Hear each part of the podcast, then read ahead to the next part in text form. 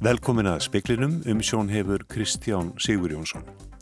Landlæknir metur það svo að engar upplýsingar séu nýju, nýju blaðsíðna skjali sem unni var fyrir tæpum þremur árum af greiningadeild sjúkratrygginga um krafaminsfélagið sem kalli á viðbröð heil breyðsíðuvalda umfram þá skoðun sem þeir er hafinn hjá ennbætti landlæknis. Rúmlega 50 karlmaður hefur verið ákerður fyrir morð í Úlfarsárdal í Reykjavík í desember. Ráþæra í Bresku ríkistjórninni viðurkendi í dag í tinginu að bóðað lagafrumvarp stjórnarinnar vegna útgöngu úr Europasambandinu fæli í sér brot á alþjóðalögum. 11% fleiri tilkynningar hafa borið sparnavend Reykjavíkur það sem aðir ári en á sama tíma bili í fyrra og áallega er að kostnaður borgarinnar við málaflokkin aukist um 14% á næsta ári. Það er mat landlagnis eftir sameinlega yfirferð með sjúkratryggingum Íslands og krabbameinsfélaginu að engar upplýsingar séu í nýju blaðsina skjali sem unni var í desember árið 2017 af greininga til sjúkratrygginga og varðar mælingar og markmið þjónustu sannings við krabbameinsfélagið sem kalli á viðbröð hilbyrðisíðuvalda um fram þá skoðun sem þegar er hafinn hjá embætti landlagnis. Þetta kemur fram í tilkynningu frá embættinu en fulltrúar Íslands og embættis landlæknis funduðu sameilegin í dag til að fara yfir skjalið. Í tilkynningunni segir að augljós sé að umrætt skjal sé ófullbúið vinnugagn sem byggja á gagnum frá krabbaminsfélaginu og samskiptum starfsmanna þess og sjúkratrygginga. Þar megi finna miskilning og ránga hugtaka notkun. Skjalið var sendt velferðaráðunitinu í februar 2018 2018 án þess að framkæmi að um vinnugagn væri að ræða en skjalið hafði ekki verið sendt krabbaminsfélagin til yfirlestrar áður en því var komið til ráðuneytisins. Þeir sem að málunu koma eru sammálu um að óábyrt værið að byrta skjalið án nánari skýringa og aðtöðasenda af hálfu félagsins. Ítalega verið fjallaðum álið í sjóhansfrittum klukkan sjö. Hér að saksóknari hefur ákært rúmlega 50 mann fyrir morð en hann á að hafa kastað manni fram að sölum í úrvarsárdal í Reykjavík í desember. Verkfræðingur og réttarmeinafræðingur vinna nú álitskerð í málunu. Fimm voru handteknir síðdegis sunnudaginn 8. desember eftir að maður fjall fram af svölum á þriðjuhæð fjölbílisús við skignisbraut í Úlfarsárdal í Reykjavík og lést. Fjórum var fljótlega sleft en sá fymti var úrskurðaður í gæsluvarþald, grunaður um að hafa banað manninum. Vittni höfðu séð á tvo rýfast í aðdragandanum og séð hann handtekna löðrunga hinn tvísvar. Báður eru þeir frá Litáen, sá látni 57 ára og sá handtekni 50 úr. Rannsóknin var mjög umfangsmikil. Láregla sviðsetti meðal annars vettvangin að viðstötum verkfræðiprofessor og fleirum og kastaði brúðu í mannslíki sem líktist hinnum látna að hæð og þyngt úr sömu hæð og fram af jafn háu handriði. Allt var þetta tekið upp með fjórum myndavélum samtímis. Niðurstaðan var að honum hefði sennilega verið kastað eða hrind af afli fram af svölunum. Ákæra á hendur manninum fyrir morð með því að berja mannin og kastunum svo fram af svölunum var gefin út 3. júni en ekki hefur verið greint frá henni fyrir nú. Við þingfestingumálsins neytaði maðurinn sög eins og hann hefur gert frá upphafi. Verjandans fór fram á að domkvattir matsmenn, verkfræðingur og réttarmeinafræðingur færu betur yfir málið og svo vinna stendur nú yfir. Stígur Helgason saði frá. Breska ríkistjórnin hefur bóða lagasetningu um breytingar á útgöngu samningi breyta og Európusambansins. Þessi fyrirhugaða lagasetning er mjög umdild, hún er sögð brota á alþjóðalögum. Ráðuniti stjóri í lögfræði til stjórnarinnar hefur sagt af sér vegna þess. Áttunda samningalóta Evrópusambansins og breyta er að hefjast og herskáður tónar hafa hist frá bresku stjórninni síðustu daga. Aðal samningamæður breyta, David Frost, sagði að breytar ætluði ekki að gefa sig, ESB er það breyta afstöðu sinni. Boris Johnson, fósættisráþur að breyta, sagði svo að ef samningur lægi ekki fyrir um miðjan næsta mánuð, hættu breytar viðræðum. Fyrirhugu lög sem meðal annars fjalla um tollamála á Norður Írlandi brjóta í báa við útgöngusamningin að mati margra þar á meðal Sir Jonathan Jones sem sagði af sér í dag. Hann var æðsti lögfræðingur í breska stjórnkerfinu. Frettaskýrandi breska ríkisútvarsins segir ástæðu afsakna hans vera að hann telji frumvarpið brota á alþjóðalögum. Ráð þeirra Norður Ílandsmála Brandon Lewis viðurkendi í dag í neðri málstofu þingsins að svo væri. Yes, this does break international law in a very specific and limited way. Frumvarfið brítur alþjóðalög á tiltekinn takmarkaðan hátt, sagði Lewis. Breytar ætluðu þó að virða anda útgöngusamningsins. Fyrirhuguð lög sæta mikið líka gríni þannig spurði Theresa May fyrirvenandi fósættisráð þeirra hvernig við sem jöndu breyta gætu í framtíðinni treyst því að breyta stæðu við orðsín. How can the government reassure future international partners that the UK can be trusted to abide by the legal obligations of the agreements it signs? Þarna heyrðum við í Theresa May, Bói Ágússon tók þennan pistil saman. Fyrstu átta mánuði þessa árs fjölkaði tilkynningum til barnavenda Reykjavíkur um 11% og áætlað er að kostnaður borgarinnar við málaflokkin aukist um 1400 á næsta ári. Frankvandastjóri barnavenda Reykjavíkur segir að hlutfall tilkynninga vegna erlendra barna sé talsvert herra en fjöldi þeirra gefu til kynna. Koronaveirufaraldurinn er einn helsta ástand fyrir þessari fjölkun tilkynninga að sögn Hákonar Sigursteinssonar, Frankvandastjóra barnavenda Reykjavíkur. Hann segir að 20% fleiri tilkynningar um heimilisofbeldi gagvart börnum hafa borist í ár en á sama tímabili í fyrra. Fjölskyldur eru meira einangraðar heima við, það gæti verið skýring líka þar. Sem við sáum, eða voru frávik, að þá var það heimilisofbeldsmál, uh, mál þar sem að fólkdra voru í fíknívanda og mál þar sem að nágranna voru að tilkynna meira og, og, börnin sjálf voru líka að tilkynna meira. Þegar hefur verið bætt við sjö sérfræðingum og ráða á fleiri. Það kostar Reykjavík borgum 120 miljónir sem er 14% aukning á útgjöldum barnavendar. Um 90% færri tilkynningar frá skólum hafa borist barnavend Reykjavíkur í ár en tilkynningum frá öðrum hefur fjölga mikill. Ein af hverjum þremur tilkynningum í ár er vegna erlendra barna en hlutfall þeirra af öllum börnum í borgin er um 20%. Hákon segir að hugsanlega sé fólk meðvitar um aðstæðu barna af erlendum uppruna en ein af ástæðunum fyrir þessum fjölda sé að í sumum menningarheimum týðkist að refsa börnum beitt meiri líkanlega refsingum og börnunum slegin og svona ögu þannig til sko. og þá er það þessi menningamönur sko. það sem við gerum er náttúrulega bara að upplýsa og segja veist, hvað sé viðmiðið á Íslandi Þetta var Hákon Sigursteinsson Anna Lilja Þóristóttir talaði við hann Allsherjar fundi Európutingsins sem til stóða að halda í Strasborg í Fraklandi í næstu viku hefur verið aflýst. Ástæðin er svo að koronaveiru tilfellum hefur fjölgað svo mjög í borginni að undaförnu að hún hefur verið líst raukt hættusvæði. David Sassoli, fórsiti þingsins, sagði þegar hann tilkynnti ákvörðununa að ekki hefði annað komið til greina. Ella hefðu allir þingfullrúarnir og starfsfólk þingsins orðið að fara í sóttbí þegar þeir sneru til Brussel að nýju. Eitt af hverjum átta döðsföllum í Evrópu árið 2012 má reykja til umhverfis áhrifa, til dæmis mengunar og lítilla vaskeiða. Þetta kemur fram í skýslu sem umhverfistofnun Evrópusambansins byrti í dag. Nýjustu gögn eru frá árunni 2012 og í skýslunni segir að þá hafi 630.000 látist innan Evrópusambansins af völdum umhverfis áhrifa. 400.000 döðsföllur eru rækinn til loftmengunar og 12.000 til hljóðmengunar. Hlutvarslega mátti reykja fæst döðsföll til umhverfisins hér á Íslandi og í Noregi eða 9% en hlutvarslega flest í Bosníu Hersegóvinu þar sem 27% döðsfölla mátti reykja til umhverfis áhrifa. Þá er fjallaðum umhverfistengdan ójöfnuð, bæði innan ríkja og millir ríkja en fátækari hópar eru líklegri til að vera útsettir fyrir mengun. Í skýslunni segir að íbúar í Östur-Evrópu og Suðaustur-Evrópu séu bæði fátækari og búið við meiri mengun en aðrar Evrópuþjóðir. Með skýslunni fylgir skýrt ákall um að vernda viðkvæma hópa fyrir hættulegum umhverfis áhrifum. Hildur Margret Jóhannsdóttir tók saman.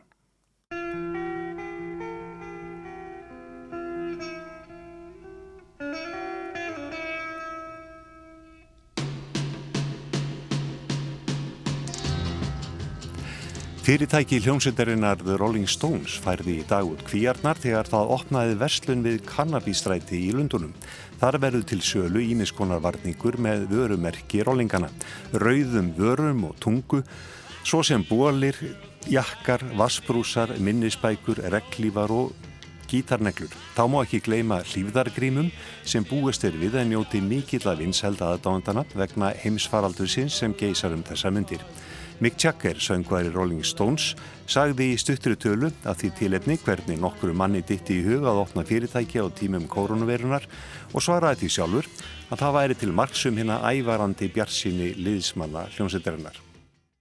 Í speiklinum í gær kom fram í umræðum Eibjargar Högstóttur, Frankvandastjóra samtaka fyrirtækja í velferðarþjónustu og áskerðar Gilvadóttur, formans bæjaráðs Hortnafjörðar um stöðu hjúgrunarheimila, að þau standa flest fjárhagslega illa daggjöld sjúkratrygginga til hjúgrunarheimila sem sjálfsegnastofnanir eða sveitafélug reyka duga í langflestum ekki til og nú er svo komið að stór sveitafélug eins og Akureyri og Hortnafjöður hafa sagt upp þjónustu samningi við sjúkratryggingar og hjúgrunarheimili þær í sveit verða reykin af stofnunum á vegum ríkisins.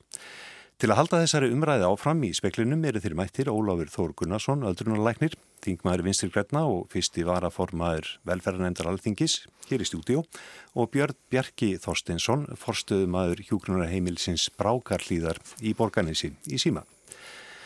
Ólafur, þetta rekstrar fyrirkomulega hjúgrunarheimala sem farið svolítið yfir í gær, þar sem í mist sjálfsegna stopnarnir sveitafélagi að ríki komaða reksturinnum. Er þetta heppilegt fyrirkomulega? Það er í rauninni voru erfitt að tala um þetta sem eitt fyrirkomulega vegna þess að við erum í rauninni með, ég er sennilega 7 til 8 jafnvel nýju mismunandi aðferðir eh, við að fjármagna og reyka þessi heimili þar að segja eftir hver blandan er, hvort það er ríki og sveitafélag, hvort það er sjálfsvegnarstofnun og sveitafélag eða ríkið og svo framvegs og framvegs og það er í rauninni kannski fjórin megin aðilar sem að eru að eh, vinna á þessu sviði, það er að segja ríkið, sveitafélagin, frjálsfélagsamtök og svo enga aðilar og, eh, og svo náttúrulega þá sjálfsvegnastofnarinnar lenda þá í öðrum hverju þeim hóp.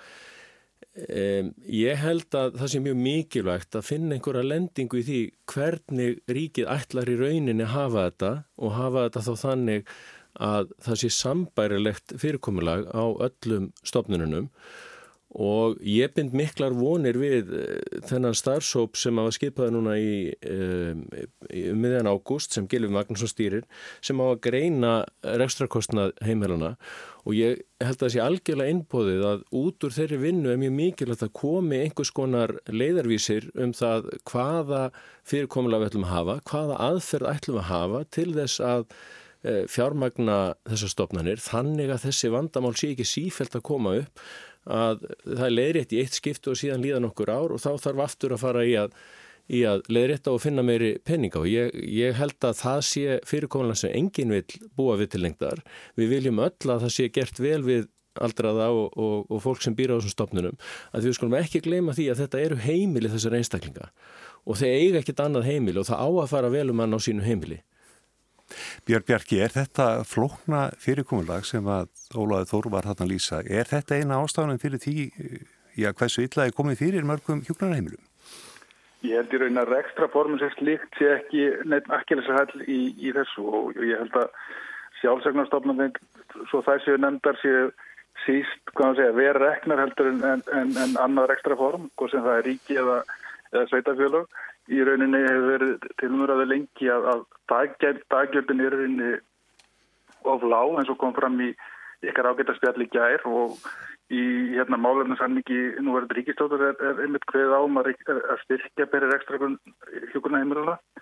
Ég held að, að, að mín skoðun er svo að rekstraformi sem slíkt sé ekki ekki þess að en það er mjög nöðsöld að komi niðurst á þessum vinnuhóp eða frá þessum vinnuhóp sem Ólaf Þór nefnir og ég held að í rauninni sem þarf, þarf að koma fram með í rauninni hvað hérna hlutinir það er að kostnægreina og hvað, hvað þjónustu vill ríkið uh, kaupa og eða veita eftir hvað ormaða notar að ég eins og Óláð Þór bind mikla voni við að, og spenntur við að sjá hvað kemur hverfur afur þessa vinnóps. Hvað þarf til Óláður til þess að hjúgrunarheimilin geti starfað á sem bestan hótt? Eh, það það náttúrulega það það náttúrulega fjármægt til þess og, og eh, við höfum verið sammálum það undangengin ár og það kemur raunar fram í, í stjórnarsáttmálunum eins og, og uh, Björn Björki nefnir að uh, það á að styrkja restrækurinn hjúkunaheimiluna. Uh, ég hefði vilja sjá það gerast í meira mæli og fyrr, ég get alveg sagt það en, en, en, en það eru líka ímsir ytri þættir sem það þarf að spila þenni eh, en það, við þurfum líka að koma okkur niður á það eins og, eins og, eins og Björn segir hvað ætlar hið ofnbæra að kaupa þessum heimilum uh, og ákvaða verði, hvaða þjónustu viljum við hafa þarna, viljum við jafnvel aðskilja að einhverju leiti þá þjónustu sem ríkið veitir inn á þessum heimilum frá þeim þjónustum sem að kannski sveitafélagin kynna fjármagna og svo framvegis og framvegis. Það eru, það eru mjög margir þættir en ég held að í, í grunninn þá, þá sé það það að uh, þau hafa verið, já, ég held að þetta sé að minnst okkurstu knaft fjármögnuð mjög lengi en á það ber samt að benda að það eru sum heimili sem verða að skanga ágætlega og, og, og Björn nefnir aftur að, að eh, suma sjálfsvegnastofnarinn að ganga bara ágætlega vel. Og uh, það eru líka þættir eins og það að við erum með lítil heimili mjög víða og það, það liggur í rauninni fyrir að einingar sem að eru kannski með 10, 20 og ég vil 30 heimilismönnum að það er mjög erfitt að rekka þær og þessum hefur kannski, þess hefur við að verið farið út í það að, að samina þær. Tökum til að mynda vestfyrði þar sem öll heimilin, öll litlu heimilin er í rauninu núna til stjórn helbistofnuna vestfyrða og þetta þetta þarf að í rauninu að ná einhverjum svona held að skikka á þetta en, en, en já, við þurfum að, þurfum að komast að hver grunnurinn á að vera hvaða þjónustu við ætlum að kaupa og, og reyna sena innan á hendi eins og, eins og við höfum metnað og, og vilja til. Mm. Björn Bjarki, þú sem uh, forstuðumadur hjúknunar heimilis, uh, eða lítir bara til framtíðar, finnst þér stjórnmálamenn eða stjórnvöld uh, með skýra sín í þessum málflöki? Sko, ég hef nú svo sem kallaði til því að, að, að hérna, það vantar kannski meiri og dýpri umræðu um, um hlutverk og skildur og, og til hversi ætlast af hjúknunar heimilunum Það er rætt um það á tillitugum að fólk eigi að vera sem lengst heimaðu sér. Og ég þá að minka í rauninni mögulega þörf á stopnarnaþjónustu en, en nú er þessi hópur fólk sem er orðið aldrað og, og að verða aldrað svo hópur er sístækandi þannig að það verður alltaf einhver einhver, einhver hérna prósent af þeim hóp sem þarf í rauninni þjónustu inn á stopnun þó að fólki sé gert klift að vera lengur heima og og að vera lengur heima er kannski líka sko mismunandi aðstæður á, eftir byggðalöfum. Eh, það er til dæmis heima þjónustur sem ríki er að veita í formi heima hjókurnar. Það það er ekki búið upp á hana þá þjónustu alla daga ásins mjög víða, heldur á stærstu þettbyrðistofunum.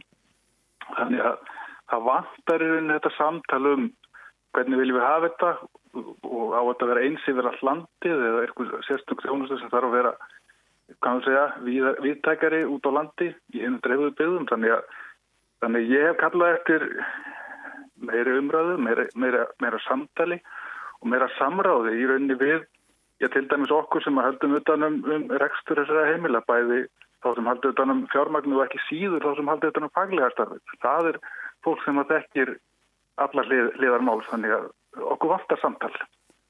Óláður Þór, nú er þú sjálfur aðrunulagnir og þetta er kannski þitt eh, lífstarf sem er þarna sem við erum að ræðum. Já. Eh, er framtíðasínin nógu skýr? Framtíðasínin í þessu málaflokki hefur alltaf verið, allavega sem ég byrjaði að, að fylgjast með þessu, hún hefur alltaf verið aðeins og eftir fæglögu tróðuninni og eh, ég held að það sé kannski svona að sömuleiti svona eðli e, þessara segja, þessara, þessara þjónustu sem að ríkið er að, er að veita þarna. Það til dæmis finnst mér, hafði starfað mest við endurhæfingu líkansett eldra fólks. Mér finnst það mjög áhugavert að það skul ekki vera nema 57 hjókunarými á landinu sem eru sérstaklega skilgreint sem endurhæfingarými. Það er, það er í rauninni mjög svona sérstök nálgun vegna þess að einmitt út frá því sem Bjarki saði við viljum tryggja að fólk geti í meira mæli búið að sínu og búið e, þar sem það langar að, að, að bjó, búa, þar sem þið langar að búa. En þá verðum við líka að hafa tækin í höndunum til að gera en það kleift. Endurhæfingar eitt af því, öflug dagdelda þjónusta er annað og uh, kröftu göngudelda þjónusta skiptir líka gríðarlega miklu máli. Og allir þessir þættir þurfa að koma saman Eh, og síðan saman við þetta blanda síðan aðkoma sveitafélagana sem sérum þá í rauninum félagslega þáttinn. Og það hefur því miður verið, hafa verið svolítið bröða því að ríki og sveitafélag hafa aðeins verið að svona, ég minnst okkur að segja, að segja tókast á um það, hvar svo lína á að liggja. Eh, og umræðan fari jáfnvel svo langt að, að menn hafa talað um að, að sveitafélag nætt að taka yfir málaflokkin svo umræði hefur leiðið niðri núna um þó nokkuð skeið og, og kannski ekki alveg að fara Eh, verða svona efst á baui alveg á næstunni. En það er líka umræða sem við þurfum að taka. Er ekki nærþjónast eins og þessi er ekki eðlilegt án á hendi sveitafélagana kannski ekki heilbyrðist þátturinn en að minnstakosti búsetu þátturinn sem, að, sem að þarna er undir. Mm. Björn Bjarki, þú minnst á að eh, það er þjóðin er að eldast og, og það er að koma stóru árgangar inn sem að koma til með að, að, njó, að nýta þessa þjónustu er Íslands samfélag tilbúið í það? Ég held að með samhendu átaki þá, þá getum við alveg hérna, uh, hvað maður segja, búið þannig, þannig um hlutin að við séum og verðum reyðbúin. Við erum það ekki í dag, við þurfum að efla þetta samtal og ég vil líka nefna það að, að því við tölum um öldrunaheimilin og í sama, sama hlutnum og hjókunaheimilin að, að hlutverk hjókunaheimilin hefur verið að vika svolítið hvað það varðar að, að nú búið að afnema aldurstakmörk inn á heimilin þannig að við erum að fá til okkar í rauninni umt fólk þannig séð sem að, sem að í rauninni á ekki í önnur hús að venda þannig að þannig við þurfum að horfa á þetta líka í því samengi að, að hérna, segja, skildur hjókunæmilin hafa vikað út og, og það vantar rauninni úrræði fyrir, fyrir þann dýrmæta hóp um, umt fólk sem að, sem að veikist og á langarandi veikind að stríða. Þannig að þannig að það er líka eitt sem ég vil nefna. En, en ég held að, að hérna við þurfum að nálgast þetta bara í, í, út frá bara þetta sé eitt verkefni. Óláð Þór nefnir réttilega að Ríki og Sveitafélag hafa svolítið verið að, að hérna með að núast utan eitthvað annað. Eh, ég hef oft talað um að þetta sé svona halgir síló að þegar að fólk eldist og þarf aðstofið böður hendir sín þá þarf að tala við ríkið en ef það þarf aðstofið að þrýfa heima á þessu þá þarf að tala við Sveitafélagin þannig að þetta er svo mikið svona hólfa niður þannig að það er einhvern veginn að ná þessu á eitt og sama plattformið sem að, hérna, að fólk líka út í bæ skilji hver er að gera hvað. Takk fyrir þetta Björn Bjarki Þorstinsson í, í Borgarnæsi og Ólaður Þór Gunnarsson, þingmaður. Takk fyrir komuna. Takk.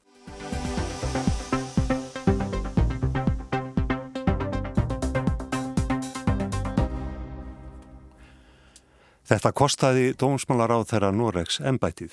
Sambíliskona hans kemur núna fyrir dóm í Óslo, sökuðum að hafa sett á svið að förra ráþranum og staðið að baki alvarlegum hótunum, í hans gard og þó búa þau enn saman. Hún neytar og ráþrann fyrverandi stiður konu sína. Næstu tíu vikur á að reyfa þetta sérkjænlega mál í dómshúsinu í Óslo.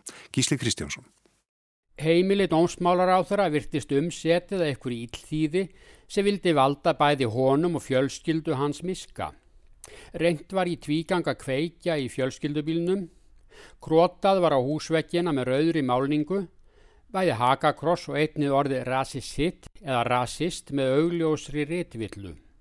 Voru þetta útlendingar ekki skrifandi á norsku. Kveikt var í ruslatunnu og hótunarbref bárust bæði honum og öðrum ráþerrum. Dómsmálar áþara fer með mál lauröglu í ríkistjórninni og lauröglan hóf viðtækar ansókn kom upp eftirlitsmyndavélum og hafði fólk á vakt. Einfalt mál var að grýpa þann eða þá sem stóðu að baki ef þetta endur tæki sig. En það fundust aldrei enn merki um utan aðkomandi árásarfólk sem hygðist í afna um dómsmálaráþurann. En aðförn að húsi ráþura hjælt þó áfram. Leinilaureglan var köllu til og menn klóruðu sér í höfðinu. Á þessu gekk í þrjá mánuði fram á vor árið 2019. Það þótti merkilegt að einhverji beindu spjótum sínum einmitt að Túr Mikkel var að dómsmálaráþra vegna þess að hann var ekki umdeldur maður, þvert á móti. Hann var og er flokksmaður í framfaraflokknum en hafði ekki tekið beinan þátt í stjórnmálum lengi þegar hann var skipaður dómsmálaráþra og enginn deildi á skipun hans, ekki einu sinni stjórnarnanstaðan. En fleira kom til, en bara orðspor á þeirra. Gat verið að þessi aðför var í sprottin af umfjöllunum kynþáttafordóma hjá litlum leikhópi í Óslo. Þar var sett upp sérkennileg síning þar sem myndir af húsum nokkura stjórnmálamanna voru notaðar sem leiktjöld. Þar á meðal var hús dómsmálaráþura en líka hús Jens Stoltenberg sem orðin var framkvæmdastjóri NATO og fleiri áhrifamanna. Þó sáist hvorki húsnúmer nýja fólk á myndunum og ekki var auðvelt að átta sig á hvar þessi hús væru nefn menn þekktu náið til. Og leiksýningin var fásótt og vakti ekki umtal nefn að einhverjum leikdómendum þóttu þetta heldur lítilfjörlegu listviðburður. En nú upphóf starraða dans. Laila Anita Bettiusen, sambíliskona dómsmálaráþra, taldi leikritið aðföra fríðhelgi engalífsins. Hún mótmælti síningun í blöðum og þegar skemdarverk hófust við húsar á þeirra kærði hún leiksýninguna til lögreglu. Engver annarkvort tengdur síningunni eða undir áhrifum frá boðskapennar hlautast andað baki. Meira sé Erna Solberg fórsættisráttur að tók undir þetta sjónamið. Þarna rákust á tjáningarfrelsi listamanna og fríðhelgi engalífsins. Lögregla komst þó ekki til bots í málinu. Fann engin merki um óbóðna gesti við húsið en síst dróður aðförinni við það. Hótunarbrið bárust ar því að virtist frá leikópnum og enn bættist við skemdarverk við húsið og þá fór að vakna grunur. Upphaf alls þessa virtist verið inni í húsinu.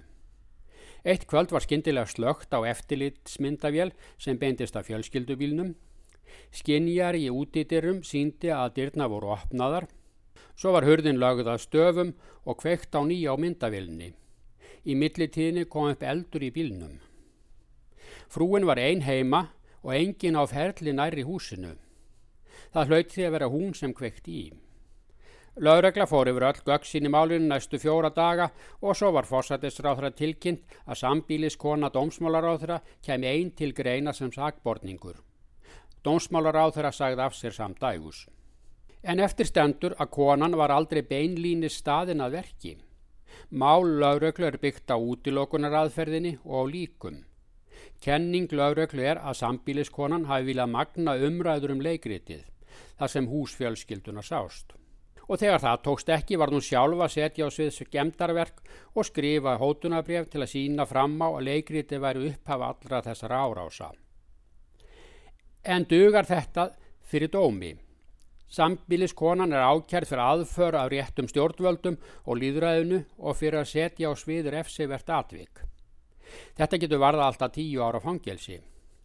Reyfa á máli í tíu vikur hér í Dómhúsin í Óslo og ákæruvaldið hefur bóðað vittnisspurði um 30 sérfræðinga.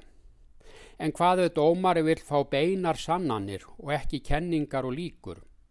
Þá eftir að koma í ljóskort lauraglan hefur meira til að sanna sitt mál en komið hefur fram til þessa.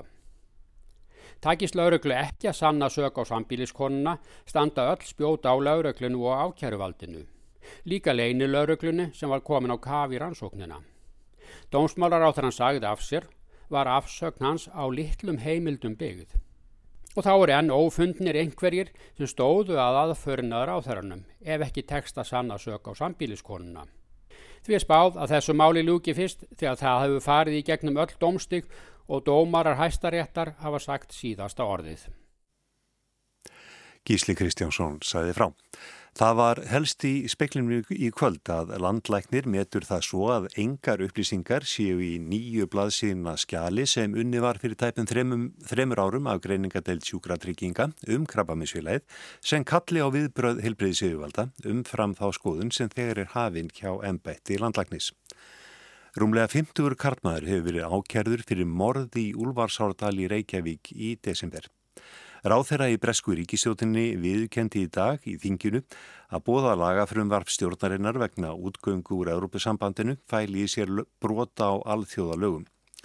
11% fleiri tilkynningar hafa borið sparnavend Reykjavíkur þar sem afir ári en á sama tíma bili fyrra og áætlað er að kostnæðarborgarinnar við málarflokkin aukist um 14% á næsta ári. Viðstofan spáir aðgera litlu veðri næsta sólarheng, norrlæg átt 5-13 metrar á sekundu, skíjað með köplum en lítilsáttar væta norðaustan til og skúrir siðst.